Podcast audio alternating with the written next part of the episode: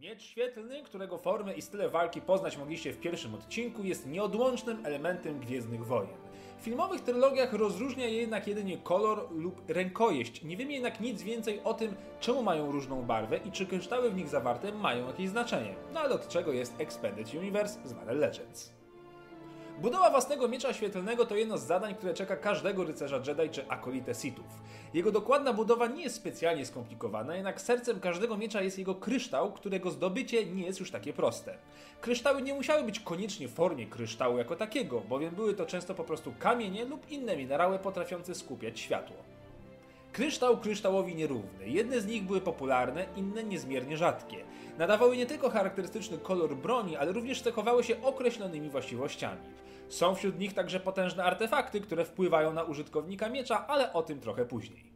Znanych kryształów jest ponad 60. Wybór kryształu ma przede wszystkim wpływ na to, jaki kolor ostrza otrzymamy, ale także na wygląd samego promienia.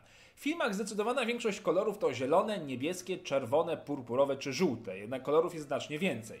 Także obróbka i przygotowanie kamienia może mieć wpływ na efekt finalny wyglądu ostrza. Praktycznie nie ma ograniczeń co do koloru. Widziano niemalże wszystkie barwy zawarte w świetle widzialnym. Do bardzo efektownych należą na przykład czarne miecze świetlne, które zdają się pochłaniać światło zamiast je generować. Są także miecze z czarnym rdzeniem, a kolorowym promieniem, srebrne, miętowe, perłowe czy złote. Choć kamienie są rzadkie, wiele z nich przechowywano w świątyniach Jedi, na przykład na lodowej planecie Ilum. I nawet wśród tych trudnych do znalezienia kamieni bywały prawdziwe artefakty, czyli kryształy mocy zwane kyberami, które poza specjalnymi właściwościami miały w sobie zawarte właściwości, które wpływały na użytkownika miecza. Na przykład Kaibur, pochodzący z planety Mimban ze świątyni Pomojemy, potrafił leczyć rany oraz poprawiać hard ducha oraz instynkt. Kryształ Upani, niezwykle kruchy, przez co korzystali z niego wyłącznie doświadczeni mistrzowie, podnosił siłę i moc miecza. Był także kamień Solari, którego używać mogli jedynie użytkownicy jasnej strony mocy, a przy odrobinie negatywnych emocji kryształ wyłączał się, a nawet uszkadzał miecz. Takich artefaktów jest jednak znacznie więcej. Samo zamontowanie kryształu także nie należało do najprostszych. Każdy adept mocy musiał wiele dni, jeśli nie tygodni, studiować i medytować wybrany kamień, będąc w ciągłym kontakcie z mocą. Sithowie swojego czasu wytworzyli syntetyczne, lekko potężniejsze od zwykłych kryształy, które potrafiły przełamać promień zwykłego miecza.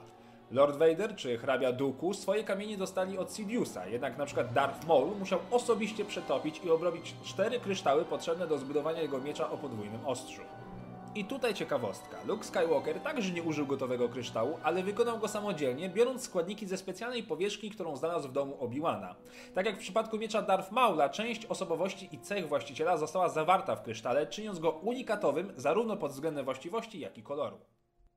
Ja dziękuję za oglądanie, zapraszam do obejrzenia poprzednich odcinków oraz pisania o czym mogę zrobić kolejne. Dajcie łapkę w górę, zostawcie suba i niech moc będzie z wami.